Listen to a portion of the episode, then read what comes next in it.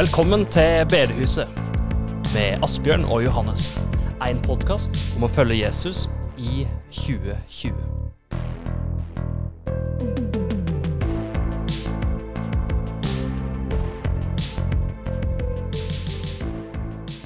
Ja, hjertelig velkommen til Bedehuset, en podkast om å følge Jesus i 2020. Og i dag så sitter jeg her, Asbjørn Smeland, sammen med Johannes Vålandsmyr som Hallo, vanlig. hallo. Hallo, ja, da hørte vi han. Og i tillegg så har vi fått med oss eh, Johannes Vålandsmyr sin far, som er teolog, Arne Inge Vålandsmyr. Hallo. Hallo. Det er godt å høre sånn et hallo. eh, denne episoden kommer til å Det er en av, de, en av flere episoder vi kommer til å lage nå om eh, første Johannesbrev, eller Johannesbrevene generelt. Eh, og eh, Arne Inge, du har kalt sønnen din eh, Johannes. Har, det en sam har du en eh, særlig forkjærlighet for Johannes? Ja, det kan det faktisk eh, være at jeg har. Ja. Ja.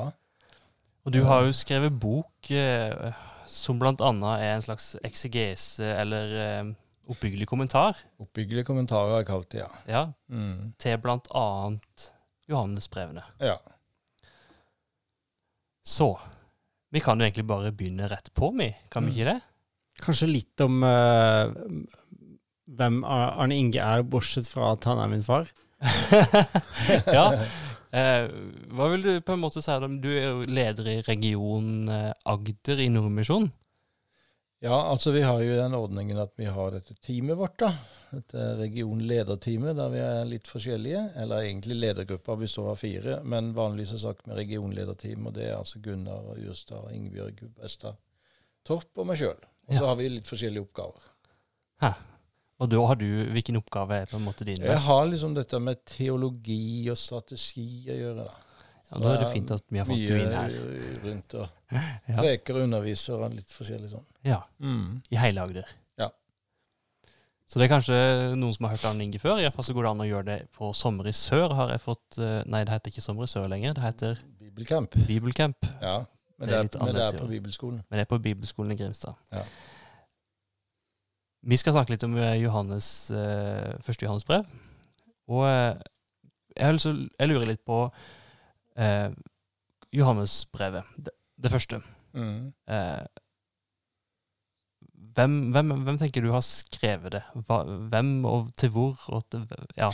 Ja, nei, altså, dette må vi jo bare ta lynkjapt, egentlig. For det er, det er en lang historie bak, og teologene har endra standpunkt noe kolossalt. Altså, hvis jeg opp til på 1800-tallet Ja. så var alle, var ingen som var i tvil om at det var apostelen Johannes som hadde skrevet dette her. Men eh, da begynte det å rakne en del, for da begynte vi liksom med kildehypoteser og granskinger på en helt ny måte. Og man var inne på teorien om at det egentlig var et sånt et gammelt gresk filosofisk skrift som var bearbeida, på en måte, og blitt Mm. til Johannes. eh, og og i, i, altså, navnet hans finner vi jo ikke. Nei. Verken i evangeliet eller i, uh, i brevet. Mm. Så, så holdt på å si til langt inn på 1900-tallet så var det en periode der der man trodde kanskje at det kunne være skrevet i 100, mellom 150 og 180 etter Kristus ja. av en eller annen. Og da måtte Johannes ha levd veldig lenge for Ja, at eh, lenge. det skulle gå. Nei, så da, da var han begravd for lengst, ikke vel? Ja, ja. Johannes, og, og da kunne det ikke være han. Og, Og og da, var- og da vil det være et brev som er veldig gammelt i forhold til mange av de andre Nei, veldig ungt, mener jeg. Unnskyld. Ja, ja, ja, veldig ja. ungt i forhold til andre, Ja, ja, ja. ja. Eh, ifølge den teorien der. Ja da, visst, visst vil det, men, men det, det, man, så på, man så på språket, at det Mm. var liksom sånn veldig Vi vil nesten kalle det for et moderne språk, med mange sånne filosofiske begreper. Det gikk i retning av denne her filosofi. Så får vi høre om en, om en eldste Mm. som skal motta dette brevet. Og så tenkte jeg at der er en eller annen eldstebroder i Efesus som har skrevet dette her. Ja. Men han eh, fant de jo aldri. Nei. Og hørte aldri noe mer til. Um, og så var det jo lenge før masse sånne opplysninger som han særlig kommer med i Johannes evangeliet, da, som ikke Mm. de fikk til å stemme. Ta et eksempel. Betesta dam kunne de ikke finne i Jerusalem. Som er omtalt i Johannes evangeliet. Ja, men den Mm. lamme som lå ved Betesta dam, Mm. ikke vel, og som Jesus kom og helbreda og alt dette her, men de fant ingen der. Mm. Eh, men de har møtt seg sjøl, altså denne, denne siden ved, ved bibelforskningen har møtt seg sjøl litt i døra. Mm. For eh, nå har de funnet Betesta dam. I sånn arkeologisk utgraving. Ja, ja, ja. ja. Jeg har sjøl sett Betesta dam. Jeg har vært i Jerusalem. Mm. Og, og så finner disse to engelske forskerne denne bitte lille papyrusbiten på denne søppelhaugen i Egypt. Ja. Den som er av 'Sannheten hører min røst'. Mm. Og så hjelp, tenkte jeg, er ikke det fra Johannes evangeliet?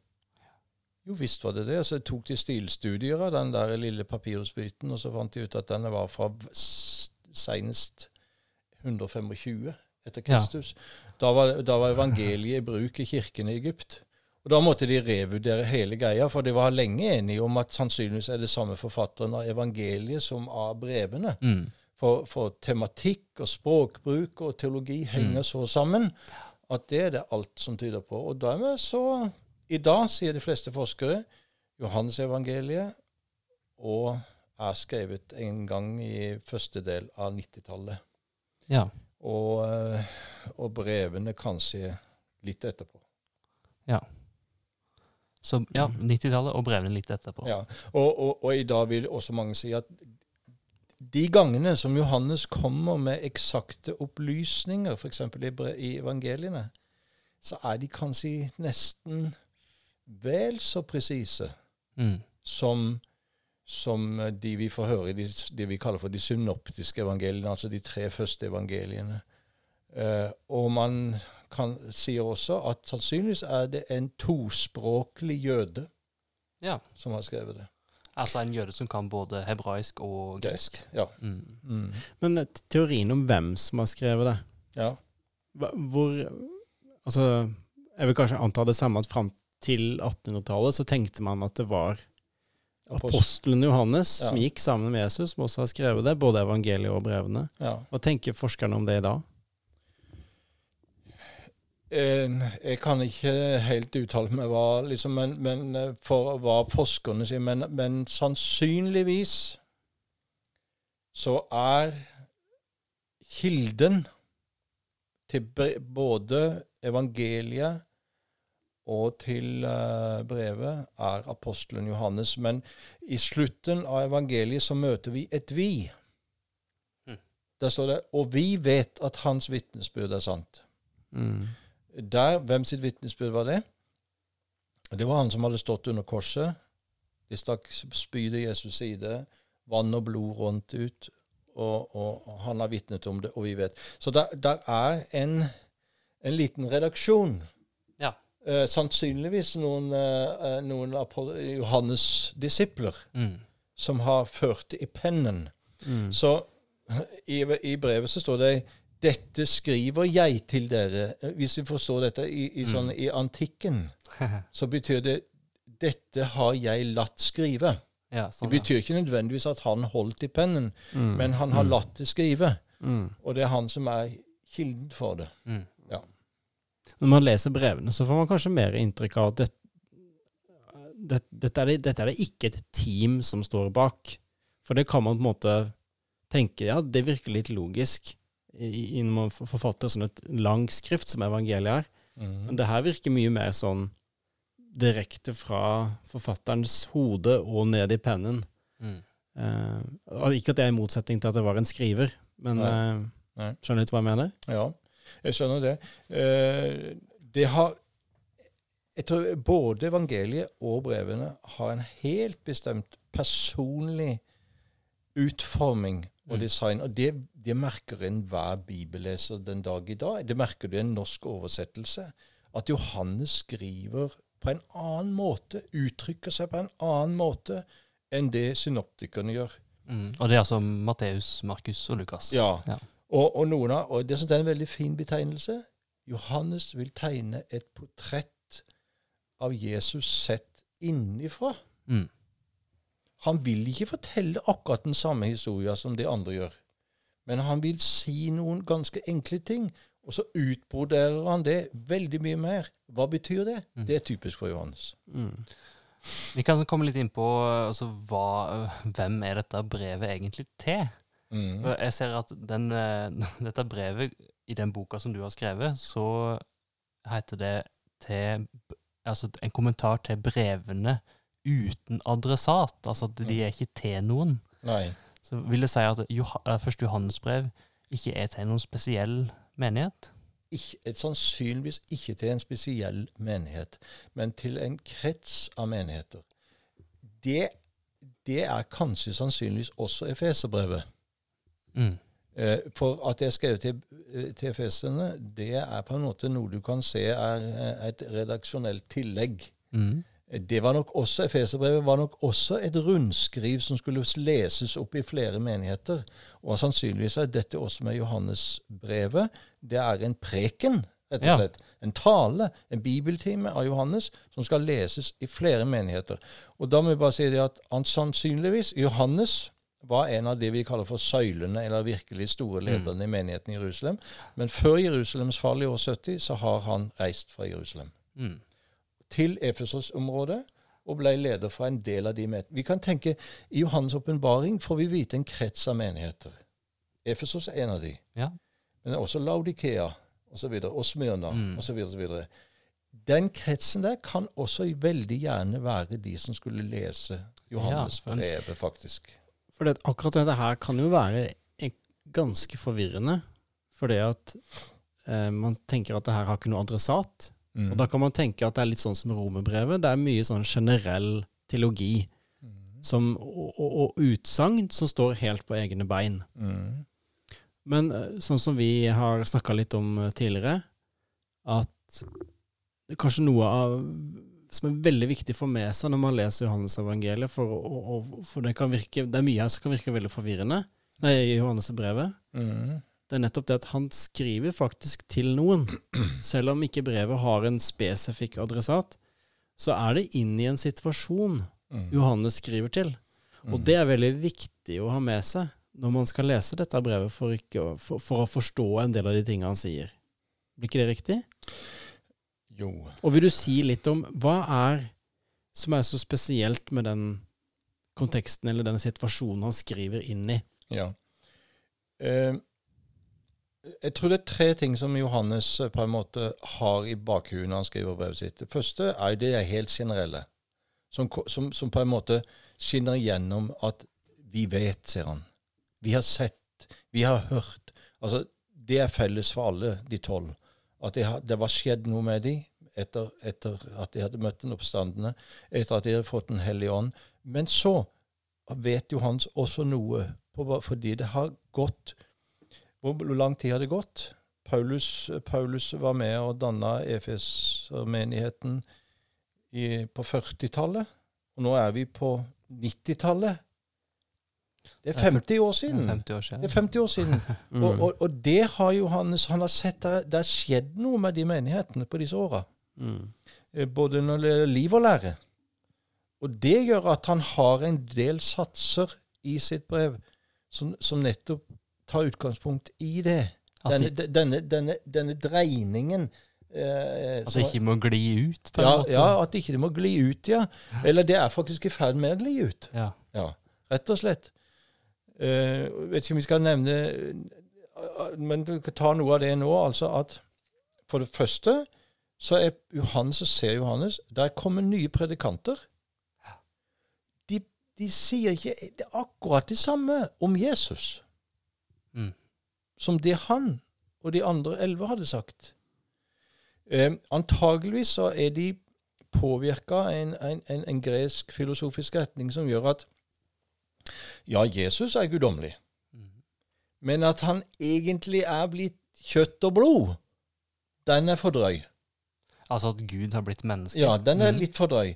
Og derfor så var det noen som sa det, nei, at, at, at Gud, dette evige, dette evige ord, eller Sønnen, eller hva du nå Mm. kaller det, han svevde på en måte bakenfor Jesus fra Mm. Nasa, et eller annet sted. Men du kunne ikke si det at, at det var ett og det samme. Det er, det er jo én ting som har begynt å Mm. skli inn i menighetene. Så kanskje en sånn debatt vi på en måte hører klinger i bakgrunnen for dette brevet, er hvem er egentlig Jesus? Ja. Og en annen ting, kanskje, det er eh, hvor viktig er det egentlig at livet mitt preges av dette evangeliet, altså disse gode nyhetene? ja, det er kjempesentralt. Altså, Johannes er, ut, er, er ubehagelig direkte når han Mm. snakker om hvordan tro og liv må høre sammen. Mm. Eh, sånn En vaskeekte lutheraner vil jo si at han er ikke så evangelisk som han burde være. For han, han, han knytter dette her så sammen at, at noen opplever det at det var da voldsomt, liksom. Mm. Men det er typisk for Johannes. Men jeg tenker at det her er kjempeviktig å ha med seg når man leser, som, som bibelleser hjemme, leser det her, at Mm. her klinger det en ganske, mest sannsynlig ganske oppheta debatt i bakgrunnen, og det handler om hva er egentlig sannhet, hva er egentlig kjærlighet, i hvilken grad skal uh, Jesu etiske undervisning ha noe relevans i mitt liv? Dette er jo tross alt 50 år siden, ikke sant? Og dette med, som, som vi nevnte, som du nevnte nettopp um, Datt ut? Tenkte du på kristologien? Ja, kristologien, ja. Ja, altså læren om Ja. hvem Jesus er. Disse tingene her er det en oppheta, kanskje til og med betent debatt rundt. Inn i det skriver Johannes. Mhm. Og, og når du skal inn i en debatt, så om du har sett det på radio eller fjernsyn, så er det ofte sånn at i debatter så setter man ting på spissen. Ikke sant? Man, man gir et svar på den uh, utsagnet som kanskje en motstander har kommet med. Og så går det 2000 år, Mhm. og så har vi på en måte svaret. Det ene svaret i debatten er det vi har, ikke sant? Her eh, i, i, i, i denne boka. Og det er viktig å ha med seg. Og jeg vil også si det at denne liksom, du, du kaller for denne oppheta situasjonen som Mm. det er skrevet inn i, den får, vi, den får vi litt innblikk i når vi leser det andre og det tredje brevet. For der advarer han mot nettopp disse her nye predikantene som kommer Mm. og forkynner et budskap som går utover Kristi lære, sier han. Mm. Ikke vel? Altså, de sier mer. De, de har fått vite noe mer enn det Johannes vet. Mm. De skal ikke ta imot. Men så får de, i tredje brevet så får, vi- så får vi vite faktisk om en som, som vil ikke ta imot utsendingene fra Johannes. Hans disipler som reiser som et team til møten, menigheten. Men han, han vil ikke ta imot dem, og de i menigheten som tar imot dem, de hiver han ut av menigheten. Mm. Så de var ganske Mm. så Det, er frisk, det er ganske friskt. Ja, det er ganske friske tilstander. Det hadde blitt noen fine overskrifter hvis det hadde skjedd Ja, det i dag. hadde det virkelig. Det hadde det virkelig. Nå tenkte vi egentlig å bruke, rest, bruke resten av tida på å gå litt inn i egentlig bare kapittel én. Mm. Og så får vi se litt åssen eh, vi bygger opp de neste episodene. Mm. Men hvis vi skal stoppe opp med vers fem For det at hvis vi tenker sånn Ja, vi spør, vi spør en av apostlene om å oppsummere evangeliet, Mm. ikke sant? Mm. Og da tenker vi, da har vi med en gang noen tanker om ja, det må være noe om kors og synd og tilgivelse og sånne ting. Mm. Da, for å oppsummere evangeliet. Mm. Og så sier han dette er det budskapet vi har hørt av ham, og forkynner dere. Gud er lys, og i ham finnes det ikke mørke. Mm.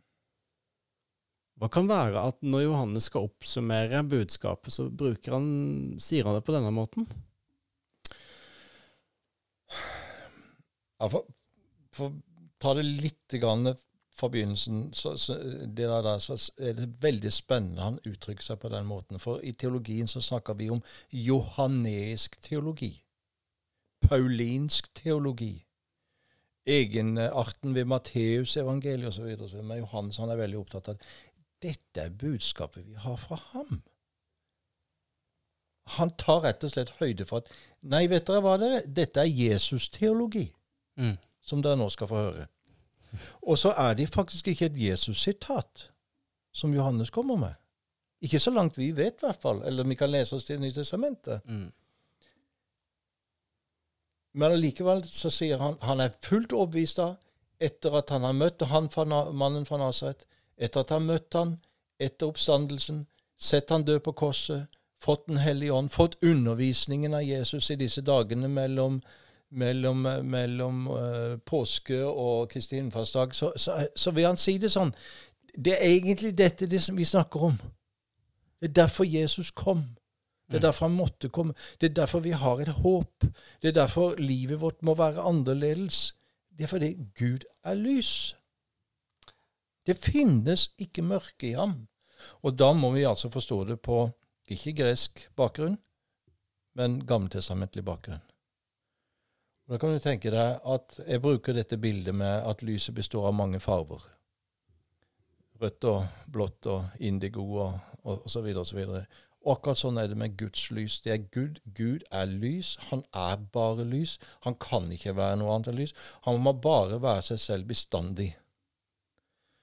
Og det ligger veldig tett opp til det Bibelen og Det gamle testamentet snakker om herlighet. Det er også en sånn utstråling av Guds vesen. Herlighet. Og vi vet ja, Gud er kjærlighet. Det er, en, det, er en, det er en farge i dette lyset. Det står tre ganger at Gud er kjærlighet.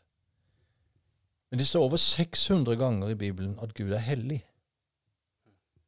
Mm. Han er annerledes. Han er rein. Gud er rein.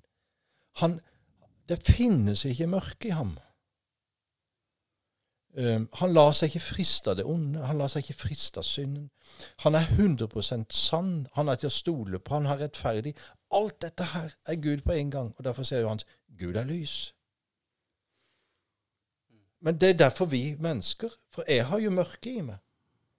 Det er derfor vi har et problem Mm. overfor Gud. Det er derfor han måtte sende Jesus. Men det er derfor egentlig det er håp for verden òg. Fordi Gud er lys. Tenk hvis Gud ikke var lys, dere. Tenk hvis jeg var litt mørke Gud. Mm. Tenk hvis Gud var litt bitte grann korrupt. Mm. Mm. Da hadde vi ikke hatt en sjanse. Men fordi Gud er lys, Mm. så er alt blitt annerledes. Takk og lov at Gud er lys. Mm. Mm. Det, er det nesten som at han på en måte At det er liksom Dette her er Dette er på en måte så grunnleggende at hvis ikke det, dette Hvis ikke dette er på plass, så faller egentlig resten. Ja. Det er grunnen det. For, for hvis ikke jeg har på plass at Gud er fullstendig annerledes Ja. han, han på en måte vi, Ja. Mm. Fordi at sånn som du sier, hvis det var litt mørke han, så er det med, med en gang egentlig bevis på at det er noe menneskeskapt vi har med å gjøre. Mm. Ikke sant? Ja, eller Gud er, en, det, Gud er en filosofisk konstruksjon som vi har funnet på, og det skinner igjennom. Eller hvordan kunne vi ha skjelt sjelen av Gud og det demoniske? Ja, ja. Og det, det, det faller fullstendig sammen hvis ikke vi har dette klart for oss. Absolutt. Mm. Men Gud er lys, sier Johannes. Det er budskapet vi har fra ham. Mm. Det er det jeg har lært av Jesus, egentlig. At Ja. Gud er lys, sier Johannes. Altså Her skinner det gjennom uh, en, en, noe som han tydeligvis kjente til, som var et, et problem. Altså dette her eh, trangen i oss mennesker til å, å bygge opp en avstand mellom ordet og bekjennelsen, mm. det vi tror er riktig og sant, og hvordan livet da egentlig blir. Og da er det på en måte en fristelse å, å, å da enten eh, fire på det ene eller fire på det andre. Ikke sant? Eller si at ja, men det er ikke så nøye hvordan du lever, så lenge du tror dette her. Ikke sant? Og rett inn i dette så er Johannes knalltydelig. Ja, han er det. Eh, I det hele tatt eh, den, Legg merke til det første kapitlet der. Han nevner ikke ordet tro. Ja. Mm. og vi som jo er veldig sånn eh, på en måte lært opp i Paul, Paulus sin teologi, vi er veldig opptatt av tro, ikke vel? Men Johannes han definerer det å være kristen på en litt annen måte. Han sier at det er å ha samfunn med ham. Mm. Eller fellesskap, som, Eller eh, fellesskap, som det står ja. i den nye. Men det er det greske ordet koinonia, altså som har Mm. felles del i det. er et, et helt sånn knytta sammen, egentlig. Og han slutta vel, eh, nå tar jeg det på husken her, på vers 3 med at vi, vi har samfunn med ham.